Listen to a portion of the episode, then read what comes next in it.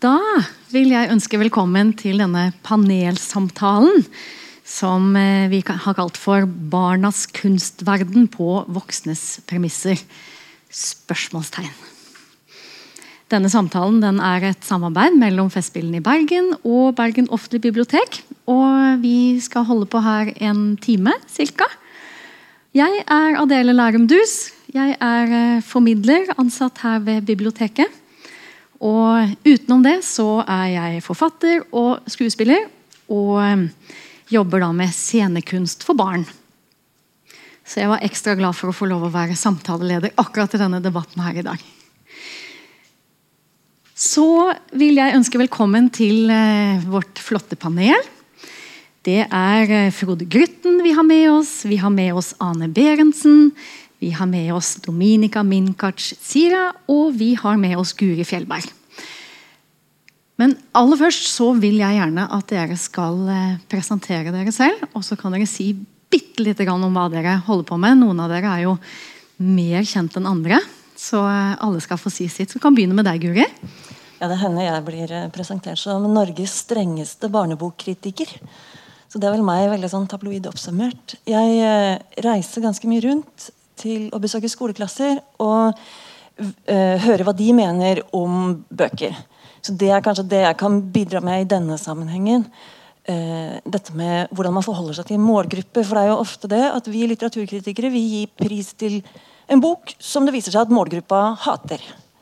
Det syns jeg er en interessant problemstilling.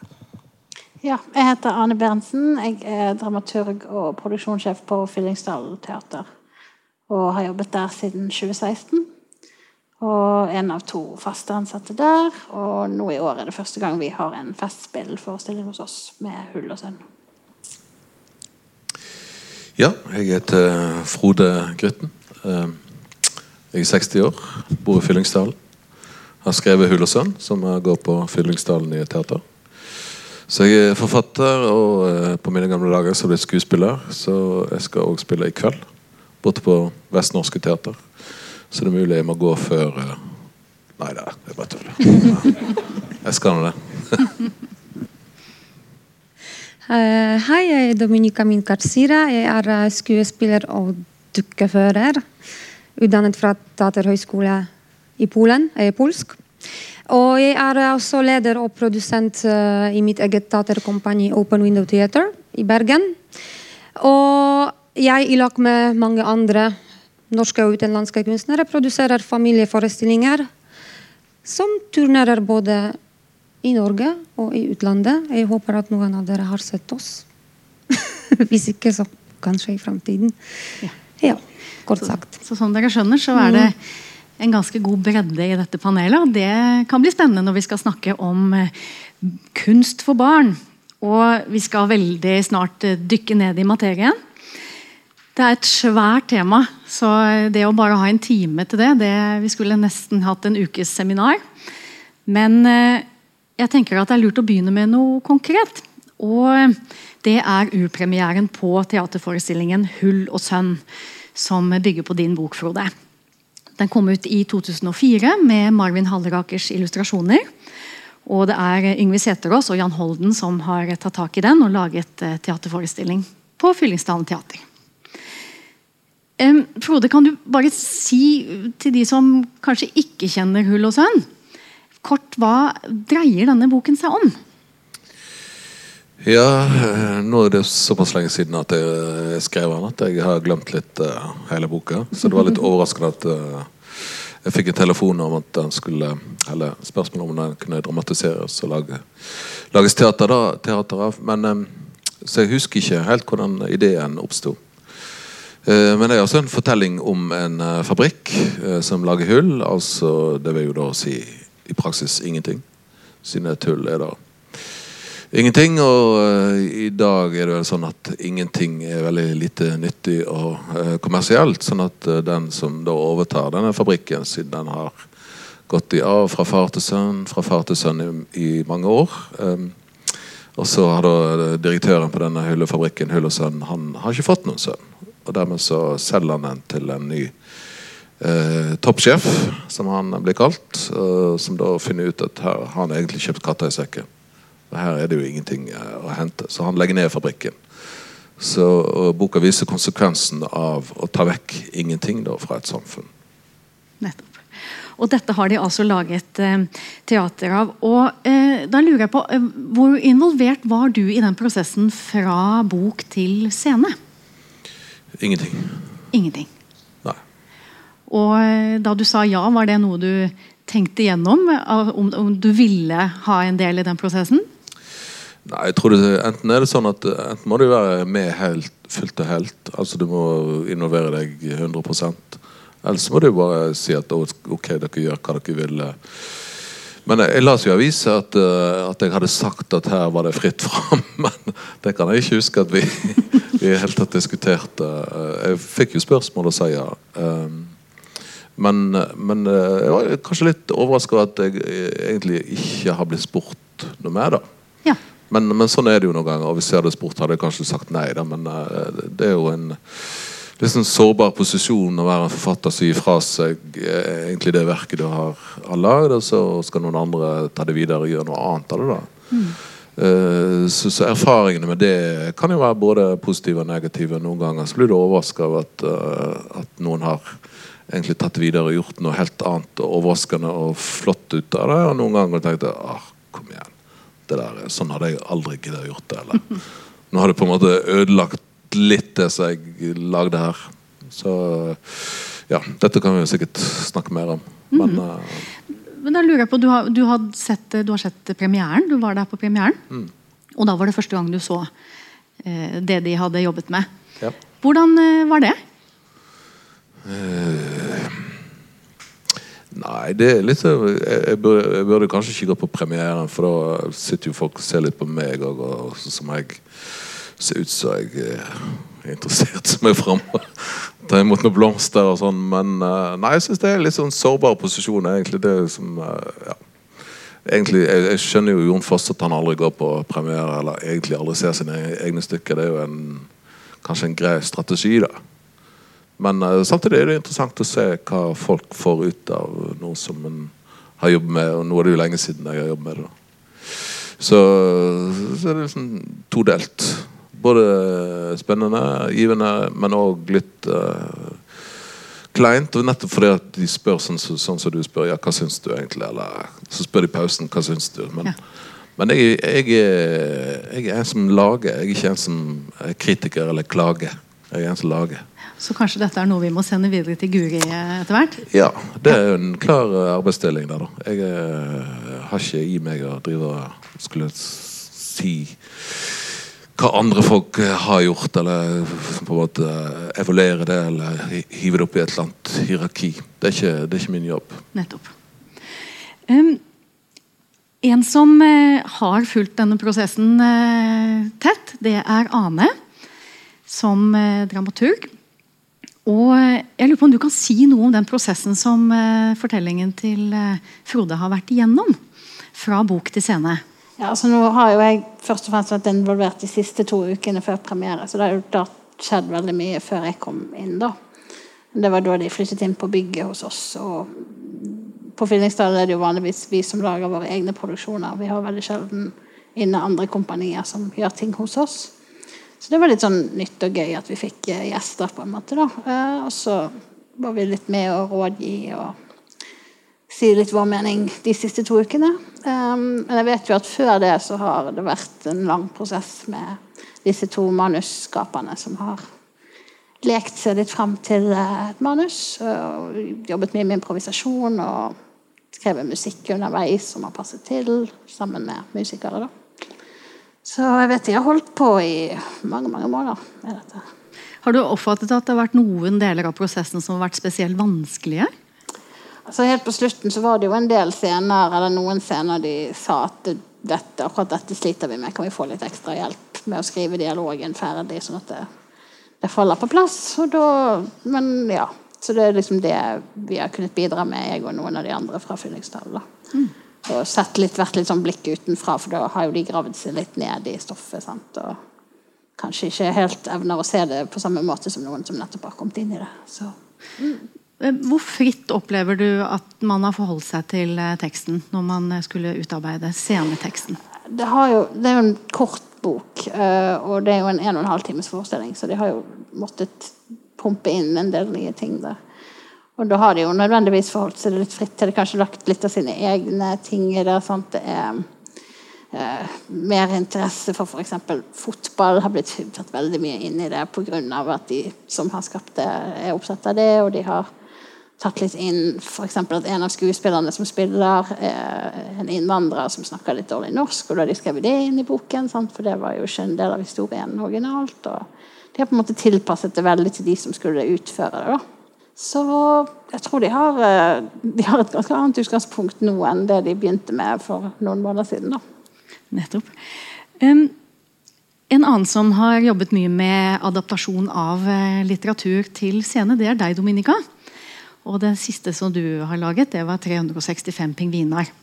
Som hadde premiere i fjor, midt i en bitte liten koronalomme. Yes. Klarte dere å gjennomføre premieren. Det er imponerende i seg selv. Og det var på Det Vestnorske, Vestnorske Teatret. Ja. Men kan du si noe om uh, forskjellen mellom kunstuttrykkene barnelitteratur og barneteater. Altså, hva, hva, slags utfordringer og muligheter ligger i de to forskjellige kunstuttrykkene, siden du da jobber med begge deler? Jeg jobber mest med, med, med teater og hvordan man skal uh, Man tar uh, først og fremst utgangspunkt, som oftest, som, som jeg gjør også i, uh, i en bok. Men det er som jeg sa, et utgangspunkt. Så det er ikke alltid nødvendig å holde seg fast til hele materialet som fins i boken, men å bruke det som eh, inspirasjon for å formidle historien på en annen måte på scenen. For at boken i seg sjøl har en annen uh, mm, Har andre, andre verdier i seg sjøl for en leser som sitter og leser og tolker på sin egen måte.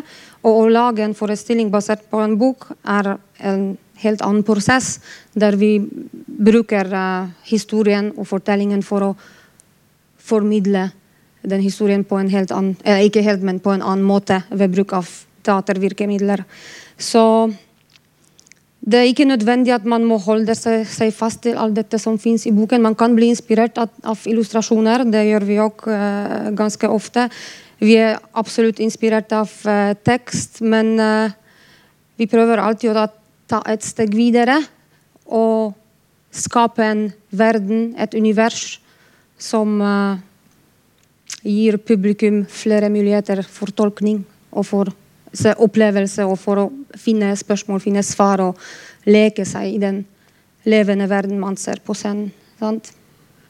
Kan man gi seg, altså Hva slags spillerom gir du deg selv? Eh, på en måte Tenker du at det er helt uh, fritt frem, eller uh, hender det at du uh, Nå var jeg veldig ledende i spørsmålet mitt, kjente jeg. Men hender det at du tenker da Hva ville, ville stakkars Frode tenkt nå? Når jeg kjører på her og lager mitt eget kunstuttrykk? Ligger det i bakhodet? Det spørs, det, det, det spørs, hvordan man Først og fremst så snakker man med en forfatter. Så vi hadde jo uh, samtaler med Grodale og med uh, andre forfattere fra Frankrike som vi baserte våre forestillinger på. Så i utgangspunktet, så når man får rettigheter til boken, så må man først og fremst avtale og fortelle til forfatteren hva man har tenkt å gjøre og hvordan man har tenkt å gjøre det, mer eller mindre selvfølgelig, før det eh, sluttresultatet kommer. Så det, um, så det varierer litt. Men som oftest, så hvis, hvis forfatteren ser hva man har gjort før, og hvordan man jobber med teater, så kan en forfatter si enten ja eller nei, eller halvveis nei. Det spørs. Men vi hadde som oftest fikk uh, mulighet til å tolke på, våre, på vår egen måte. Men det er jo et um, samarbeid med både regissør og scenograf og komponist og, og, meg på scenen og meg som er kunstnerisk leder. Så det er jo mange som er involvert i den prosessen på hvordan man skal uh, lage en uh, bok til en teaterforestilling. Så det er en kompleks prosess. Uh, og det betyr ikke at det må være fritt fram, der du kan gjøre hva du vil. Men tør du, tør du å gå inn i, i avtaler hvor eh, forfatteren skal komme inn og godkjenne på et eller annet sted i prosessen? da? Det har aldri skjedd. Nei, ok. Nei, Men i den, i, i, i den første fasen, i de første samtalene vi hadde med forfattere, så måtte vi kjempe for å få den, nettopp den friheten. sant? Men eh, det dukket alltid eh, opp spørsmål om hva vil dere gjøre, hva vil, vil, hva, hva vil dere gjøre, hvordan vil dere gjøre det. For at eh, de var ganske skeptiske til ja, hvis eh, noe kan skje, sånn som Frode sa. Mm, kanskje jeg blir fornøyd, kanskje jeg blir ikke fornøyd, kanskje jeg liker resultatet, kanskje ikke. Så ja. Det diskuterer man, men uh, som oftest så stoler forfatterne på oss, og det er jeg veldig takknemlig for. Og vi har aldri fått noen klager. Foreløpig. jeg har lyst til å sirkle meg litt inn på, på det som er hovedtemaet i dag. altså dette med barn. Barn som målgruppe. Og eh, 'Hull og sønn' har jo mange lag i seg, som, som bok også. Og det viser seg jo også har gjenspeilet seg i denne forestillingen som er laget. Jan Holden har uttalt seg i et intervju at eh, stykket er lagt opp som en familieforestilling, men det inneholder en del politiske referanser som er ment for de voksne. Og så syns Jan det er bra hvis forestillingen kan anspore til samtale. Og eh, Charlotte Myrbråten eh, hun eh, skriver i anmeldelsen sin i BT hun går enda lenger da, og sier at samtaler om arbeid, kapital og verdi kan også ha sin grobunn i forestillingen.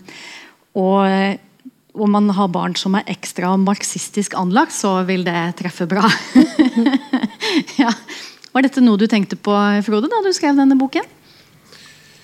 Nei, ikke, ikke på den måten, men eh, det, det er klart at når du skriver bok I utgangspunktet så tenkte jeg kanskje ikke på dette som noe barnebokprosjekt i det hele tatt. Jeg Eh, kom på ideen, så sendte jeg ideen eh, Jeg tror det bare var en setning eh, eller to til Marvin, som har illustrert, som er en venn av meg. Så kan vi lage bok om en eh, fabrikk som lager hull. Altså ingenting. Og så bare noen minutter senere så kom det tilbake en skisse. som han hadde tegnet. Så hadde jeg den skissen oppi veska mi, og så hadde jeg et møte med Frode Molven, som den gang jobbet i Spartakus forlag. Og så, som dere sikkert har sett film, så detter jo alltid skissen ut av veska. Og så Oi, hva er dette for noe? Ja, det er en idé jeg hadde. Nei, det, var, det, det var faktisk sånn, men det var, var ikke, det var ikke bevisst at denne skulle falle ut på det møtet. Hvis dere skulle snakke om noe helt annet. Så sier jeg, hva, hva er dette her for noe? Ja, Så forklarte jeg ideen, og så sier han den boka skal vi gi ut. da. Um, men jeg, jeg, jeg tenkte jo på det der med, med barnebok, at det er jo noe spesielt med barnebøker og barneforestillinger eller kino og film for uh, barn. At, at det er jo en, eh, kanskje en kollektiv opplevelse, da, mer enn uh, kanskje uh, kunst rettet mot voksne, som kan være liksom rettet mot én og én. At jeg opplever det jo sammen med noen. En bok leser en sammen sant, før en legger seg. eller på en ferie, en en på kino sammen, eller en har en eller annen samling i heimen der en ser en film, og så går en på teater og så ser en forestilling. Så Derfor så må du jo òg tenke på at dette her eh, skal jo være interessant for voksne. Og som far så har jeg jo vært på utrolig mange kinofilmer synes, jeg syns har vært utrolig dårlig og som jeg har sovnet og tenkt at eh, dette kan vi jo ikke snakke om etterpå fordi det er så dårlig. Eller, eller jeg har lest bøker også, som, som ikke har gitt oss noe. Men, men eh, dermed så som når en lager dette, så, så må en jo tenke på at ja, det er jo faktisk en eh, noe som en gjør sammen. Og, og det er jo veldig verdifullt og fint over det. da At, at det er noe som en, eh, en kan samtale om ja, voksen og barn. At det er en, enten en av barn og foreldre eller barn og besteforeldre. Sant? Så det hadde jeg i bakhodet.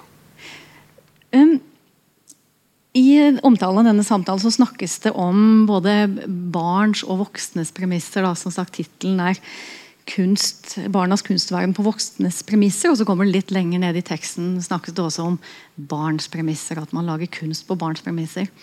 Og Dette er noe du har litt å si om, eh, Guri. Hva tenker du om hvilke premisser som ligger til grunn i kunst for barn? Nei, jeg tenker at Det er et ganske stort problem at, det, at de voksnes premisser såpass rolle, spiller såpass stor rolle. Det går tilbake veldig langt. Altså det, det finnes amerikanske barnebibliotekarer som på en måte satte standarden for kvalitet på 1920-tallet. Og Da var et av kriteriene at en god bok for barn var også god for voksne. Det er et problem når vi kommer til humor. Det er liksom det tydeligste. Fordi at barn og voksne de, vi ler ikke av de samme tingene. Hvis vi, tenker, hvis vi tar ventilhumor som eksempel, så lever vi av de tingene som stresser oss litt. Eh, de ting vi trenger å bli litt sånn forløst fra. Og vi blir ikke irritert og stressa av de samme tingene som barn. Og da, og da blir altså, da blir det sånn at vi hele nedvurderer det barn ler av. Eh, det var fordi det ikke er morsomt for oss. Og da har vi misforstått fullstendig. Så Det er, så det er liksom den ene ytterligheten. At jeg, at jeg, etterlyser virkelig mye større respekt for barns humor. At den, eh, Det er mye viktigere å prøve å forstå hvorfor barn ler, enn det er å, å fortelle hvorfor en selv ikke syns bæsj er morsomt lenger. Du, det, det interesserer meg egentlig ikke noe særlig når kritikerne bruker plass på det. Så det, det, er kanskje mitt problem. Og så er det jo, jeg synes jo boka di, det er interessant å høre at du ikke tenkte for barn i utgangspunktet, for det er jo eh, de voksnes verden. Jeg anmeldte den da den kom, og syntes at det var litt spennende å få barn med inn på fabrikken. Men det er altså bare mannfolk der. Så de, De har jo måttet jobbe litt med det manuset for å legge inn en lærling, noen å identifisere seg med. Uh, og fortsatt syns ikke jeg det er helt vellykka. Altså, jeg syns ikke, fortsatt ikke at jeg klarer å engasjere meg helt i problemet i den fabrikken. Jeg kjenner ikke nok på direktøren som ikke har noen arvinger. fordi Han framstår, så, han framstår som han orker å holde på i ti år til. han. Sånn som jeg ser forestillingen. at Han, han liksom lider ikke helt nok til at jeg klarer å lide med han. Og Da blir du mer opptatt av liksom, det tekniske. da, altså Hullene og alle de merkelige hullene. Men det er også det er en haug med hull. Nå kan du hjelpe meg, Anne. Det er dreneringshull, og det er Ja, referansehullene forsvinner jo i begynnelsen. Ja, der, altså det er i det hele tatt veldig mange ord som ikke hører til barns verden. Og så kan vi jo diskutere er det nødvendig? Altså, Er det gøy å strekke seg mot ting som er litt rart fordi du ikke skjønner det? Eller skulle vi putta inn litt flere hull som hadde vært med på barnas premisser når det kommer inn bestillinger til fabrikken? Altså Kunne det kommet en bestilling fra fra nyfødtavdelingen på rumpehull. Sånn. Nei, det kommer inn bestilling på, på golfhull. Sånn. Og det er de voksnes verden igjen. Så, så, jeg tenker at det her er her, Barn er ikke bare barn. altså Noen syns det er kjempespennende med de voksnes verden. Andre opplever dette som mindre relevant. Når du lager forestillinger, Dominika, hva tenker du da? Altså Med humor og, og altså hvordan det skal treffe. Eh, er det, noe, er det noen tanker du gjør deg når du, når du lager forestillingene dine? Ja, jeg syns først og fremst at vi blir aldri barn igjen, så det er på en måte vanskelig å eh, Det spørsmålet i seg selv er veldig vanskelig for oss voksne. Og, og det er veldig vanskelig for oss å forholde seg til den forskjellen mellom barn og oss voksne. Det eneste vi kan si, er at vi husker hvordan det var å være barn. og få igjen de, de, minnene, de tankene inni oss, vekke dem på nytt. Men uh, jeg syns at uh, å lage kunst for barn er å lage kunst som generelt. Og man bør ikke skille mellom barn og voksne. Selvfølgelig hvis uh, Jeg fokuserer mest på, på, på teater, selvfølgelig. Så, man bør først og fremst ikke være barnslig og prøve å være barnslig og være barn og lage idiotiske vitser jeg er enig med deg, hvis du tenker at jeg kanskje sier noe imot det som du sa. Um, at uh, vi undervurderer, undervurderer, som generelt barns evner til å forstå og bruke fantasien. At i utgangspunktet så vil vi gi altfor mye av det som er kjent, av det som vi syns kan passe, som vi syns kan være morsomt eller ikke morsomt eller spennende, i stedet for å la barn å tenke sjøl. La barn å uh, bruke fantasien og tolke på sin egen måte. Sant? Så det, det, er egentlig liksom for mye press for å prøve, prøve det eller det eller det. sant? Jeg synes det var litt for, altså, absolutt altfor mye tekst som var rettet mot voksne. Den, det manuset kunne vært skrevet annerledes. Det, det, det, er veldig mye man kan vise uten å bruke ord. Sant? som generelt i teaterverden, det er veldig mye av det visuelle, av selve skuespillere, figurteater som er opptatt av som figurteater i seg selv, som har millioner muligheter for å vekke tanker, vekke uh, fantasien hos både små og store, og igjen la dem uh, Gi dem den muligheten til å uh, få en samtale etter, etterpå, etter forestillingen. sant? For det er så mange ting som, er, som ikke blir sagt Men de spørsmålene uansett dukker opp i hodene våre. Sant? Og da har vi en mulighet til en samtale mellom barn og voksne. Mm. Så vi må absolutt ikke uh, tenke at kunst for barn må være sånn og sånn fordi at de er barn. Er at vi behandler barn på en uh, stygg måte veldig ofte, syns jeg. At vi vil levere alt på et fat fra A til Å. Sånn er det, sånn er det. sånn er det. Og så blir de kanskje mindre interessert i kunst og teater, annet. Fordi nettopp de får ikke mul den muligheten til å tenke sjøl og oppleve sjøl. Hva tenker du om det, Frode? Nei, Jeg er enig i det. Jeg, eh, når, når en skal uh, lage noe her, hvis en skal lage barnebok, som jeg har jo lagd noen av, så må jo jeg være interessert i det jeg skriver om. Jeg kan ikke tenke hva barn er interessert i. For da går det jo galt. Hvis jeg sitter meg ned og tenker ja, hva er interessert i i dag, eller hva er de holder på med i dag. Men, men, men, det må jo være min egen drivkraft eller min egen opplevelse av at dette, dette er jeg interessert i å vite noe om. da.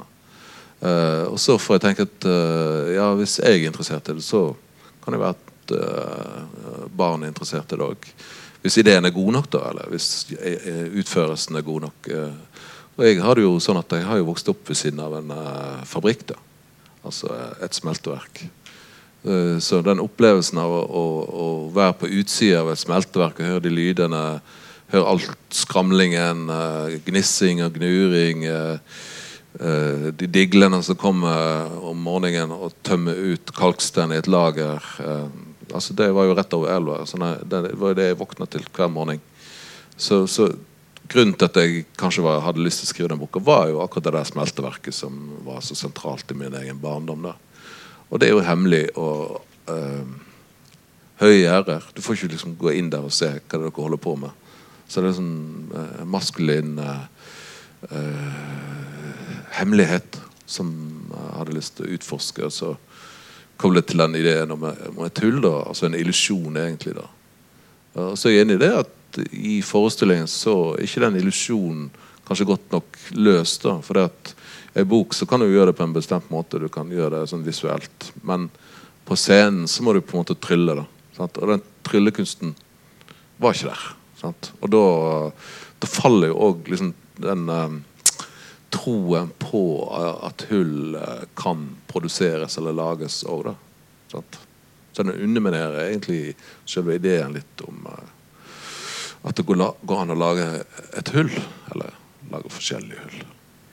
Tror du det er, er nesten en umulighet å skulle eh, adaptere akkurat det, hele konseptet i boken, som er hull, over til noe konkret som skal foregå, foregå på en scene? Nei, det tror jeg ikke. Du kan jo gjøre alt på en scene. Du kan jo få alt til, du kan få folk til fly. Det er akkurat det jeg savnet. sant? At hull Hva er hull? Vi må ikke se hull, at det er hull her men å nettopp skape den uh, tankegangen. Hva det hullet betyr for deg. Hva er det viktige hullet for deg? Det må ikke være en det, det kan selvfølgelig være uh, uh, fysiske elementer og rekvisitter, og det var jo fint. Men det, det var ingen, ingenting bak det. Og det var det jeg savnet. For det var det hulet. Det, de hulene de produserer, det er det som vi mister. Og, men det betyr veldig mye for oss. Men hva betyr det? Hva er det? Hva er et hull for deg? Mm. Jeg fikk ikke muligheten til å stille det spørsmålet for meg sjøl. Og gå ut og tenke åh, ja, verden er sånn og sånn. Det er skurker, det er snille folk, onde folk. Sånn er det, det vet vi. Men det er de verdifulle tingene. Som er viktige for oss. Hull. Ditt hull, ditt hull, ditt hull. Hva er det hullet mm. som vi er så glad i? sant? Mm.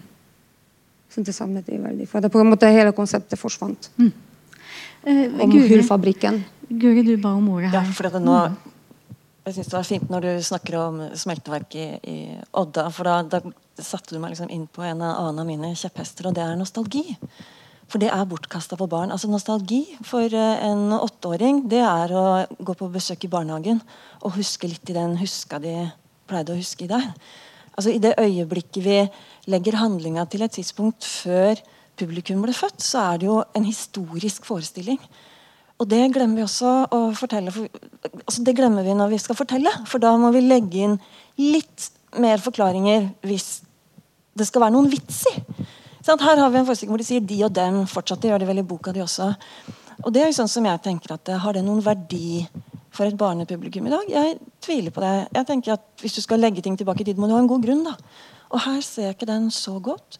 Eh, men det kan hende det er et riktig valg altså sånn for stemningen og, og, hyggen i hele familien. og det hele, Men jeg tenker mer sånn generelt at eh, nostalgi det er eh, overvurdert i eh, kunst for barn. Eh, og det er veldig på de voksnes premisser. Jeg har lyst til å slenge ut et spørsmål til alle her nå. Eh, er det slik at man undervurderer barn litt? Grann? Ja, jeg har allerede sagt det. Og det er veldig mye med de gamle tradisjonene sant, i forhold til uh, pedagogisk teater og, og det som, uh, som uh, har vært populært siden etter andre verdenskrig. Og vi klarer ikke å slippe å slutte med det pedagogiske teatret som skal vise barn at verden er sånn og sånn og sånn. Og da undervurderer vi dem igjen. Og, det er, oss, og det er igjen teater eller kunst på voksnes premisser. For at vi tror at det er noe som skal forklare dem hvordan verden fungerer. Og det, det er bra, det er ikke bra, det er sånn, det er sånn. Og det er akkurat det som uh, Den tiden er over, tenker jeg, og det må vi virkelig oss kunstnere begynne å tenke, begynne å tenke annerledes og se oss rundt og bli inspirert av den virkeligheten som vi har her nå. Selvfølgelig i forhold til teater så er det mye som uh, mange gode teatertradisjoner som vi tar med oss igjen, som vi bruker. Mye av teknikk og mye i, i selve figurteatret som vi bruker fortsatt. Men vi, det, det, verden går framover, og vi bør utvikle oss som kunstnere òg. Og vi bør utvikle eh, måten på hvordan vi produserer forestillinger. hvordan vi eh, kommuniserer med barna, og hvordan vi formidler historier for barn. Og hvordan vi eh, Hva er den relasjonen mellom voksne og barn? For det har forandret seg veldig de siste årene. Men veldig ofte så sier vi fortsatt i den gammeldagse tradisjonen der vi vil vise ting sånn som det er. Og det syns jeg er veldig vondt. Nå er vi jo liksom kommet inn på et sånt kjerneproblem da, i, i uh, temaet kunst uh, for barn, som uh, går på at man ja, Det har kanskje en litt lavere status enn kunst for voksne. Det er vel kanskje noe vi bare kan slå fast, eller hva, Guri? Ja, det kan vi slå fast. Ja. Det er veldig lett. Å, altså det kan du regne på i forhold til uh, hvor mye oppmerksomhet man får i mediene, og hvor mye penger man får i økonomisk støtte. Mm. Men Kan det ha noe med dette som Dominica snakker om, med at man er litt ambisjonsløs, rett og slett? eller? Jeg tror uh, at uh, det fins veldig mange mekanismer som ikke er til barns fordel. Altså, mm. Når jeg skriver en anmeldelse av en barnebok, så bidrar ikke det til at avisa kan selge flere aviser. For den barneboka og avisas publikum er ikke det samme. Når du anmelder en voksenbok, så vil jo forfatteren og avisa dele samme publikummet. Da blir det en sånn vinn-vinn-situasjon, som jeg da ikke er en del av. Mm. Sånn at eh, vi må på en måte alltid strekke oss litt lenger. Og det er også sånn at de som gjør størst suksess i barnekunsten, er de som allerede har gjort suksess i voksenkunsten. Altså Hvis du har gitt ut, som, som Frode her har, gitt ut kritikerroste bøker for voksne, så du, er det mye lettere å bli lagt merke til i bokhandelen og, og i biblioteket. Mm. Så det er mange sånne mekanismer òg, som, som bidrar til uh, altså, ja, Hvis du skal gjøre suksess for barn, så må du først gjøre suksess for voksne. Det er en hem liten hemmelighet. Det. Noen påstår at uh, barnebøker kan være et litt sånn venteskjær for uh, voksenforfattere. Hva syns du om det? Det, det, tror jeg ikke det fins belegg for. Eh, selv om jeg syns altså Vigdis Hjort sin eh, debut for barn var veldig god. Mm. Ja.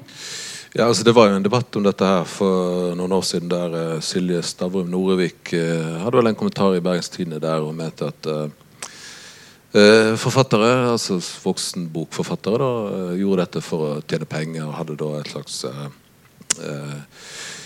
empirisk belegg ved at Merete Lindstrøm sa at hun gjorde det for å tjene penger. Men uh, det ble en debatt om det, og uh, det, det, er jo vanskelig å tenke seg at en skal bli veldig rik på å skrive barnebøker. da. Så hvis en skal tjene mye penger, så vil jeg kanskje kanskje ikke akkurat uh, satser så veldig der. da Vil jeg heller satse på Lotto eller noe sånt. Jørn Lier Horstein nok litt uenig med deg. Ja, men han Jørn Lier Horst han er en egen sjanger, tror jeg. Så han tror vi kan holde utenfor dette her. Men, eh, men, jeg opplever det egentlig motsatt. At det er vanskeligere for en som har gjort uh, holdt på i en voksenbokverden, uh, å komme inn i den barnebokverdenen. For uh, den er, er, som et lite klubbhus. da Der en har sine egne regler, sine egne måter å tenke på, og der en da skal vise dette veldig tydelig overfor en som skriver voksenbøker, at ja, du kan ikke bare komme inn her og så vise at du holder på med dette her greiene her. Med en voksen hovedperson, liksom?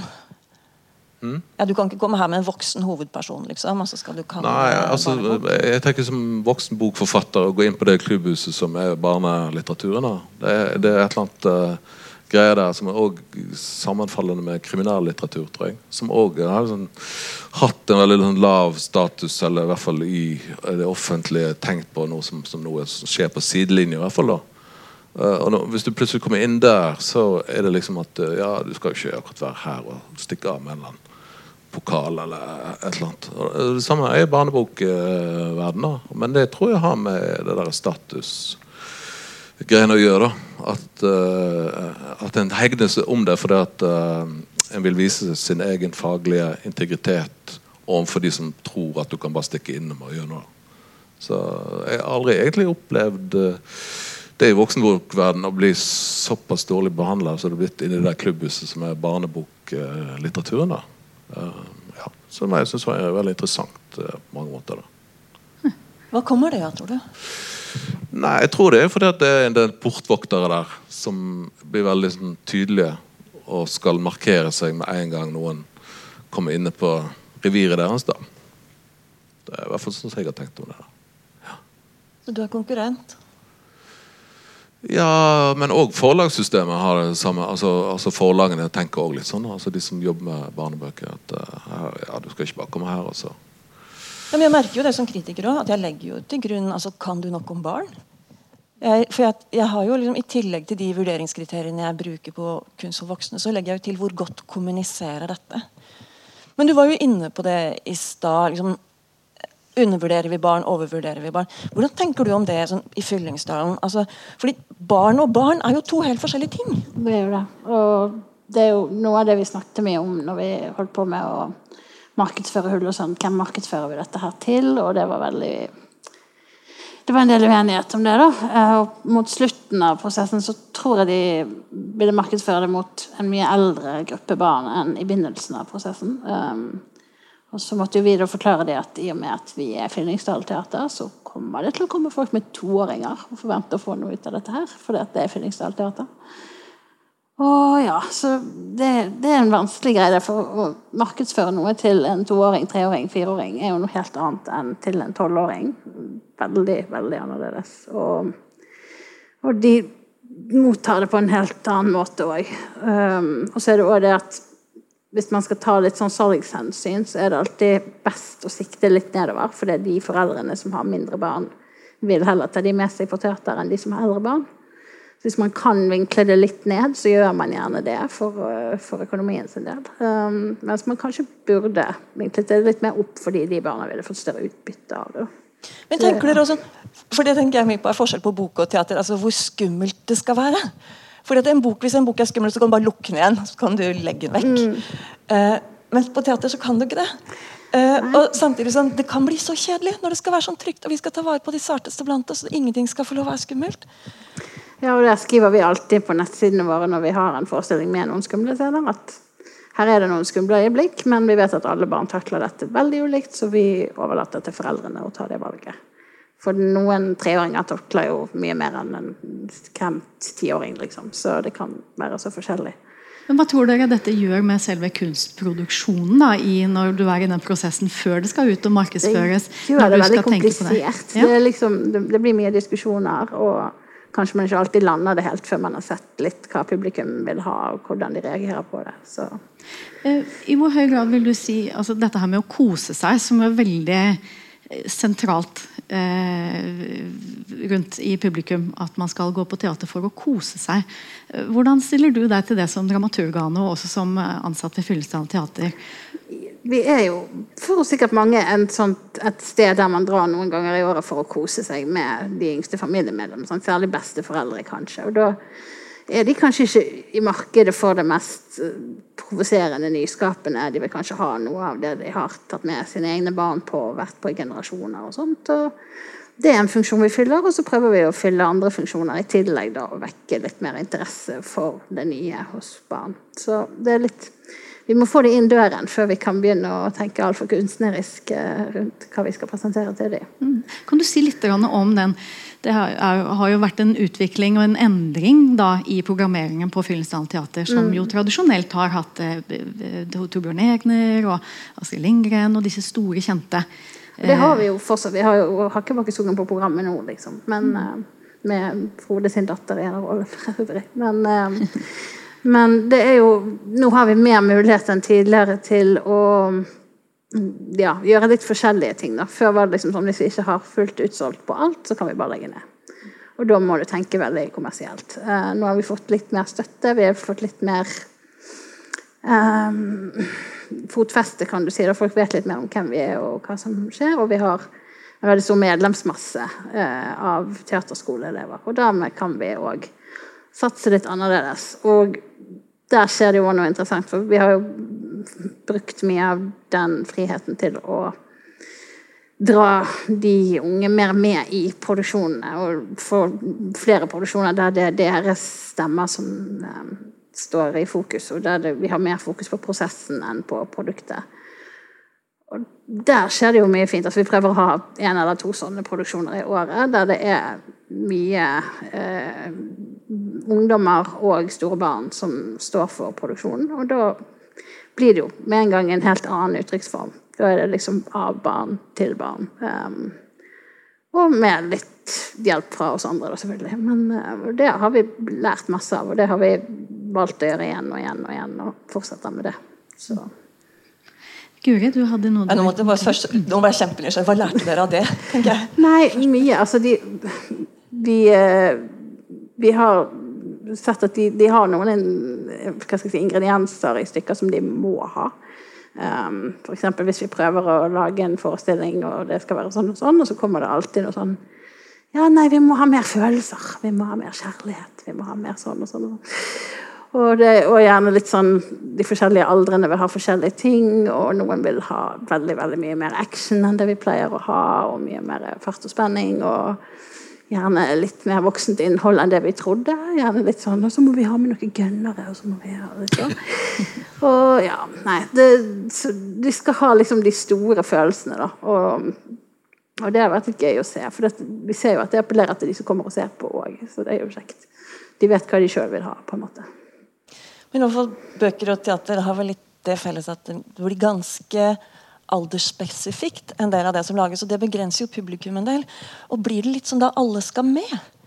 Altså, preger det det dere gjør i, i, For jeg får den følelsen som anmelder da, at det er så utrolig mye ubrukt potensial både her og der. Her kunne det vært gjort eh, her kunne blitt utfordra mer. Eh, men så tenker jeg at det vil samtidig avstøte noen i publikum fra deg. Og så blir det litt sånn der eh, ja, Fredag, fredagskveld på NRK, liksom. Ja, det blir for alle og ingen mm. på, sam, på samme tid. Hvordan tenker dere om det? Nei, Jeg tenker aldri at alle skal med. Selvfølgelig alle er, in alle er inviterte, alle kan eh, være med. Men vi lager jo spesifikke forestillinger for uh, forskjellige målgrupper. Der vi vet nøyaktig uh, hva vi skal fokusere på mest.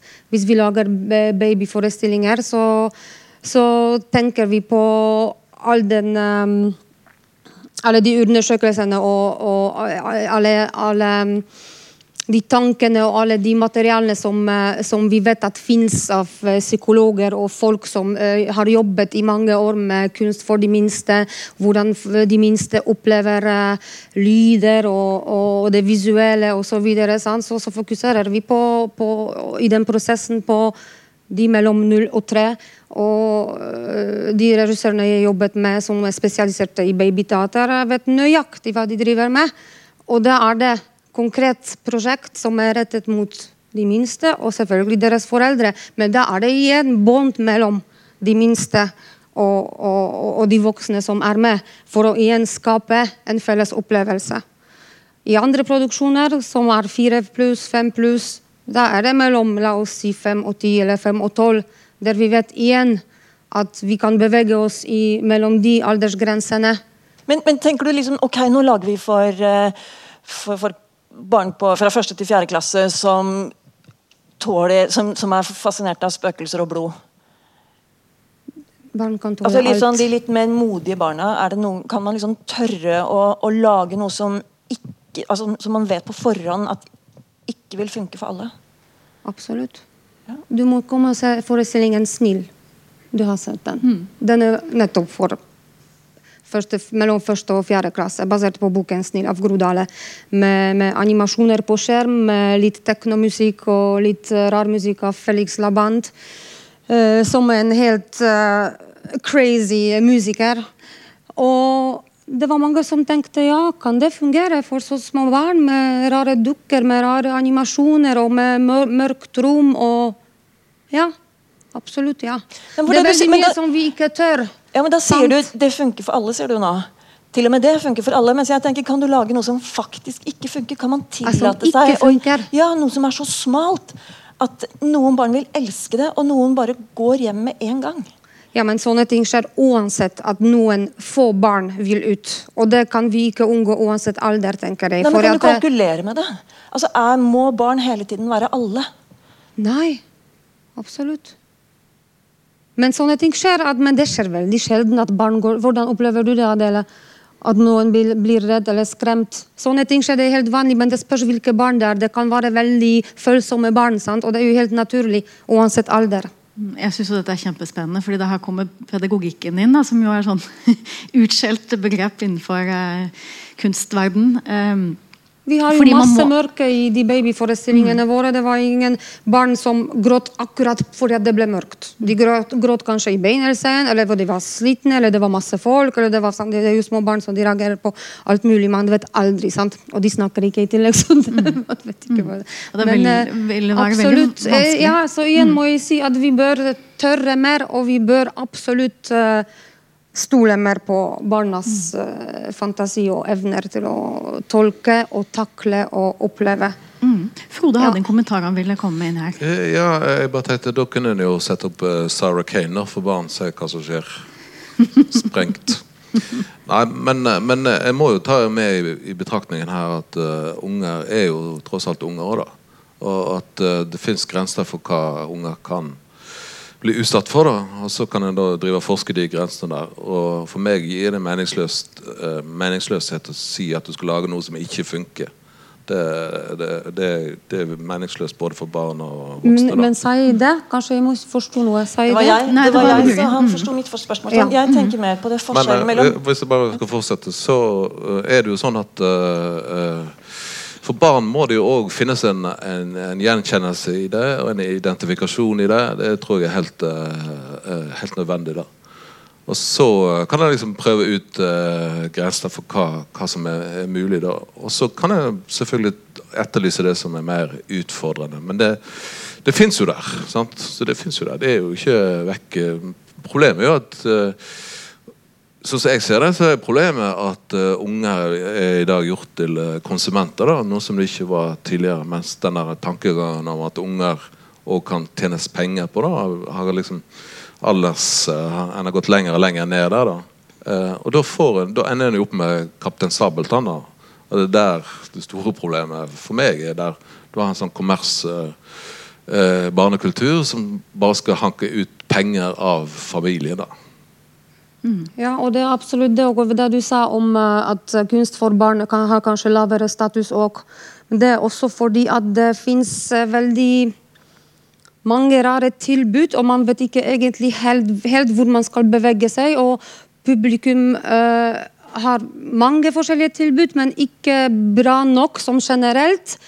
Og det varierer fra institusjonsteatre, som vi vet at skal vise store, kjente titler, familieopplevelser, som er fint i seg sjøl.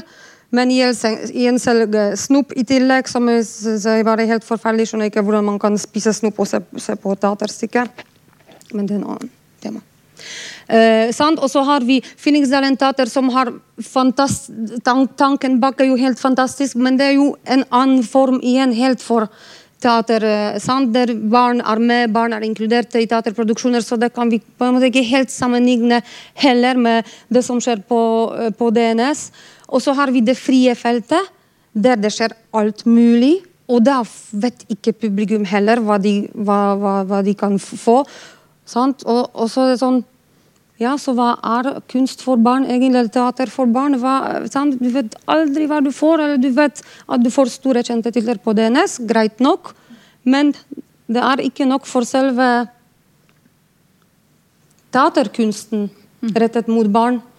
Og som, som Frode sier, eh, der man satser på, på, eh, på eh, kommersielle produksjoner. Mm. Det, ja, det er ikke greit nok. Mm. Jeg, tenker kanskje Et sentralt spørsmål her er hvorfor noe blir svakt. For det kan jo være svakt fordi vi ikke, altså rammebetingelsene ikke er gode nok. Du har ikke nok penger, nok ressurser. Det, det kan være svakt fordi at de som lager det, de fikk det ikke helt til. De har ikke jobba hardt nok med dette. Eh, men det er jo sånn- det tredje som du er inne på, Frode, det er sånn når det blir svakt fordi du slipper unna med det. Fordi at barn ikke har noen direkte kanal ut i offentligheten hvor de kan beklage seg. Og fordi foreldrene deres har en begrensa interesse for å sette seg inn i det tilbudet som fins for barn. Da kjøper du jo en bok i bokhandelen fordi du kjenner igjen navnet på den forfatteren fordi at det er en forfatter som også skriver for voksne. Eller du går på en teaterforestilling fordi du, er, du kjenner navnet på en av skuespillerne. Eller, altså, og det er jo ikke nok til å vite om det du får, er bra for dine barn. Sant? Om det holder en kvalitet. Hva vil du si Guri, om altså, barns egen evne til å kunne sette ord på kvalitet? Eh, Det vet jeg du har jobbet mye med.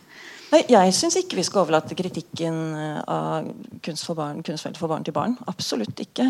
Men jeg syns at eh, det er veldig viktig at jeg lytter til barn, særlig når de er uenige med meg. Og at det også kan få plass i det jeg har argumentert for at vi trenger mer en slags flerstemmig kritikk. altså Hvor jeg har regien, men hvor jeg trekker inn barns stemmer og barns synspunkter. F.eks. når jeg sier at denne boka den var så utrolig klisjéfylt. Jeg har sett alt dette før leser den i en barnehage. De har aldri sett det før. de. Altså, det, ingenting er en klisjé før du har sett noe mange ganger. Ingenting er en klisjé når du ser det første gangen.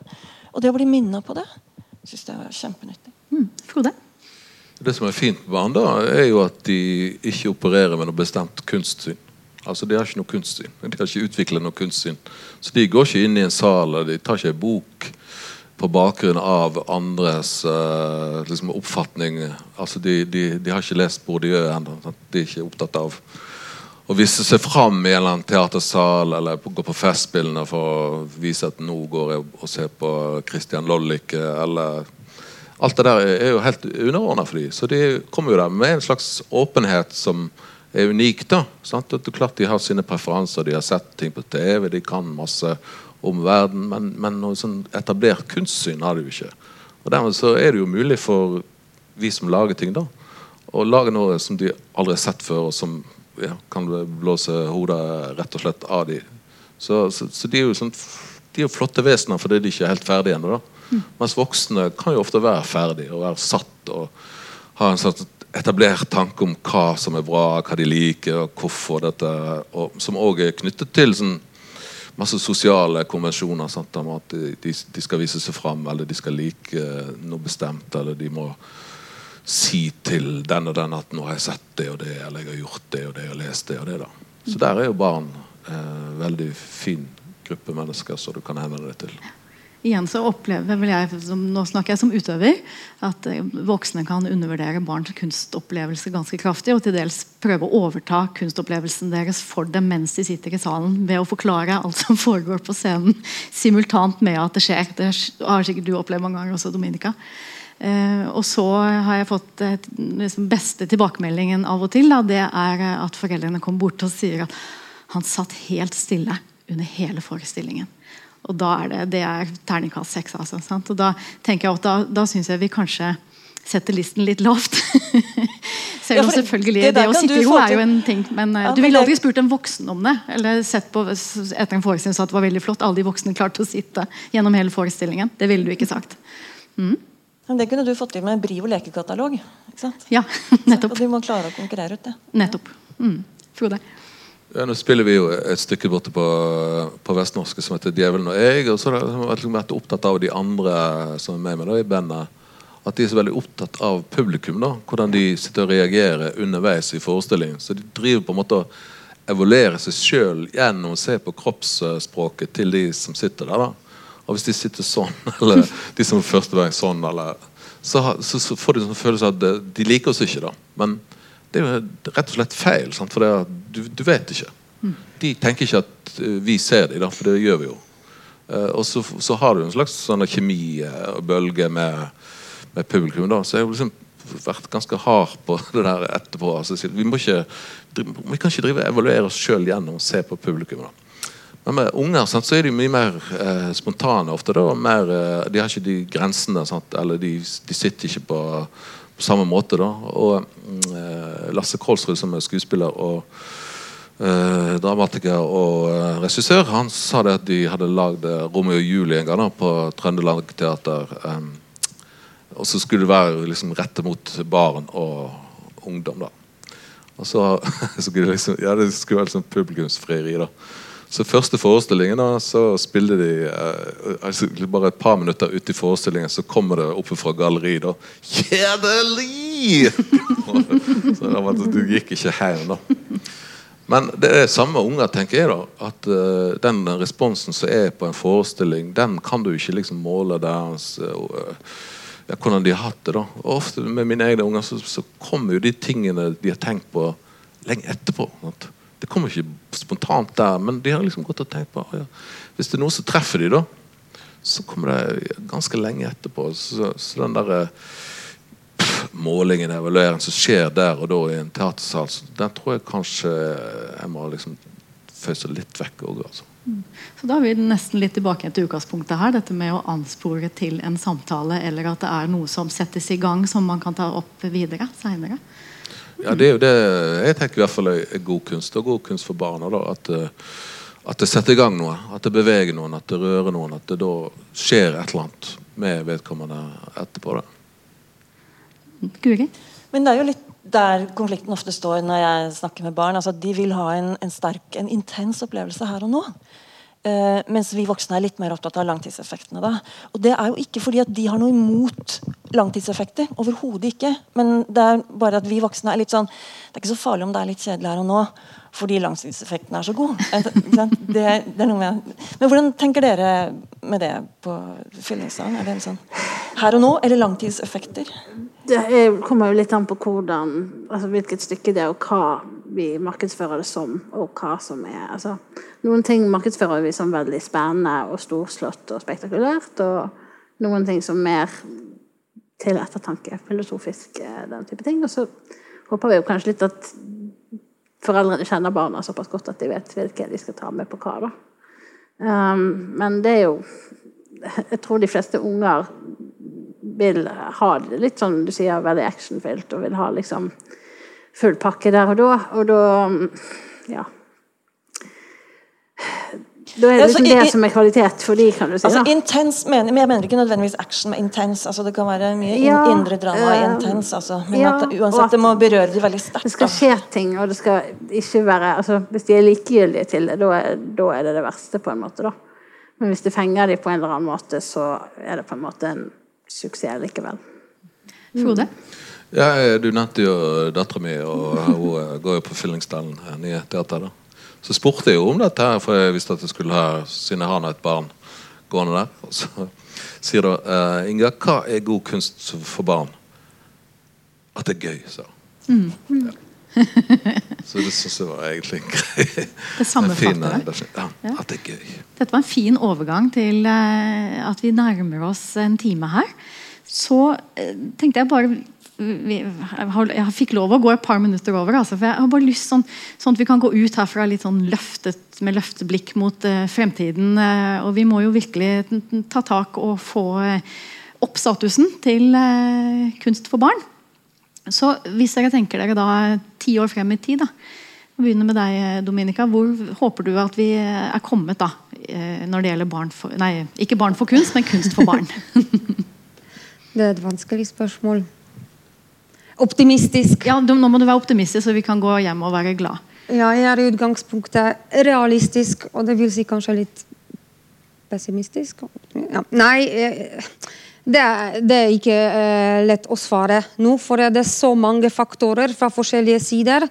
Men uh, uh, vi må huske at vi investerer på en måte i, når, når, vi lager kunst for barn, så investerer vi i deres framtid. Så det er veldig viktig at de får de gode opplevelsene, uansett om de kan si noe om det nå eller ikke, eller to-ti dager etter om de kan si noe eller ikke. De opplever det uansett, sant? og de tingene kommer og, og vokser inn i dem uansett. Man må ikke bruke ord og kommentere. sant? Så, så, jeg håper at, eh, at, ja, at barn for kunst kommer til å bare blomstre og blomstre, og ikke minst at vi eh, at de, ja, at de som skaper kunst for barn, uh, har også mer uh, Nå glemte jeg det ordet igjen. Når jeg snakker foran mange, så glemmer jeg ord plutselig. sånn, så sier jeg til deg. Uh, Da kan jeg si sånn som jeg pleier å si til ungene. Du kan få rekke opp hånden hvis du kommer på det igjen etterpå. Ja. ja. Nei, at, vi, ja, at vi, de som jobber med kunst for barn, eh, kanskje jobber litt mer med det de jobber med. Mm. Rett og slett. Og, jeg, for det er veldig ofte kan se ut som at det er tilfeldige ting som dukker opp. Og da blir det ikke sånn som jeg har sagt nå, at uh, om noen år de barna som ser kunst nå, blir til bedre mennesker, rett og slett. Mm. Mer følsomme og ja. Men det kan være en ambisjon, da? Ja. Mm -hmm. Frode? Eh, ja, det, det, jeg syns det var et veldig vanskelig spørsmål. Jeg har aldri vært noen i stand til å se fram i tid. Det skulle jeg gjerne gjort. er det noe du håper på? Nei, Jeg håper jo at det blir viktigere med, med det som er kunst for barn. fordi at det, at uh, ungene fortjener det, rett og slett. Sant? Altså, Voksne fortjener ordentlig kunst. De får mest drit, men uh, det er jo mye bra òg. Mm. Og så må det være for unger at uh, vi som er voksen, kan styre dem mot det. da, Og prøve å lure dem vekk fra det som er drit. da. Mm. Så, ja. Nå kom Dominica på den. hun tok opp hånden. Det vil jeg si. Ja. Kompetanse. Kompetanse, folkens. Det var I det, alle ledd. Det var det ordet ja. som glapp. Anne? Ja, nei, eh, Mitt inntrykk er at det har blitt bedre de siste årene. At det har vært det er mer prestisje å lage god kunst for barn nå enn det var for noen år siden. Og jeg tror jeg håper at det vil utvikle seg videre sånn, da. Um, og jeg tror nok kanskje at det vil være litt todelt uansett. At det, du har institusjonsteatret og litt større teatre mm, fra vår størrelse oppover som må gjøre litt ting for hele familien, og ikke ha så stort fokus på hva barnet i seg sjøl alene trenger, versus hva familien rundt trenger. Um, og det tror jeg altså, Og så vil det frie feltet kunne ha mer den typen fokus. Og det tror jeg ikke vil endre seg så veldig. Um, og det har jo òg litt med at f.eks. på institusjonsteatrene at de de må lage noe for barn. Det står liksom i instruksen deres at av og til skal dere lage noe for barn. Og da velger de jo gjerne å ta noe som de tenker at det kommer til å selge en del billetter. Fordi det er en av de stedene vi kan få den delen av grafen til å gå litt oppover. Um, og da trekker du inn hele familier istedenfor bare ett barn. Uh, og det ligger det mer økonomi i. Um, mens i det frie feltet så syns jeg det gjøres veldig mye mer for uh, ja, sette fokus på nyskapningen og utviklingen nå enn før. Så vi får håpe at det fortsetter sånn. Mm. Frode hadde en kommentar. Ja, jeg, jeg, bare glemte det siden dette er nå. Hele utgangspunktet er jo Hull og Sønn og Fyllingsdalen Nyteater. Og bare nå har jeg to jenter som går der. Jeg vil skryte at hvor utrolig flinke de er med de to jentene. Hvor, eh, hvor, hva slags opplevelse de har av sånn mestring og gjør ting. Og de kommer hjem og er helt sånn strålende. og du bare ser at det der har vært en voldsom opplevelse for dem. Det å, spille teater og bli tatt på alvor. Voksne som bryr seg om de, ja, tar de med på ting, lærer de ting. Det er en veldig stor ting, da. Uh, og dermed syns jeg òg kanskje at Hull og Sønn kommer på Festspillprogrammet, det er liksom en ting som jeg må da ha tommelen opp for. For det, det betyr jo en god del sånn statusmessig.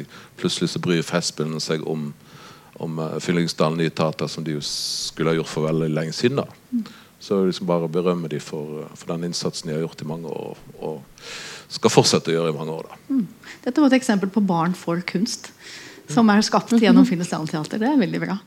Guri, har du noen siste ord du vil uh, si? Jeg bare tenkte ja. å si at Det kan jo ha en betydning det at nå trekkes barn mer og mer inn i dette her og i skapingen. Og så vil vi jo kanskje se etter hvert hva effekt det har når de barna blir større. da. Mm. At de kan ha en effekt nedover i systemet igjen. Forhåpentligvis. Nettopp. Guri? Jeg ønsker barn større mangfold. Og for at vi skal orke å forholde oss til de uttrykkene som ikke er liksom det mainstream som nå blir pusha så voldsomt gjennom Disney og, og Netflix og den gjengen der, så så kreves det ganske høy kvalitet på den variasjonen som jeg tror barn trenger. fordi som voksne også så er vi sånn at vi trekkes mot ting som er litt kjent for oss. Og hvis du da som barn hvis du kan sørge for at som barn at det er ganske mye forskjellig som er litt kjent, så tror jeg at vi kommer til å ha glede av det hele livet. At vi da vil kunne beholde en sånn nysgjerrighet på et mangfold som, som gjør livet litt rikere å leve. Det var en nydelig siste ord for denne samtalen. her. Jeg syns vi skal gi oss selv og hverandre en ordentlig applaus.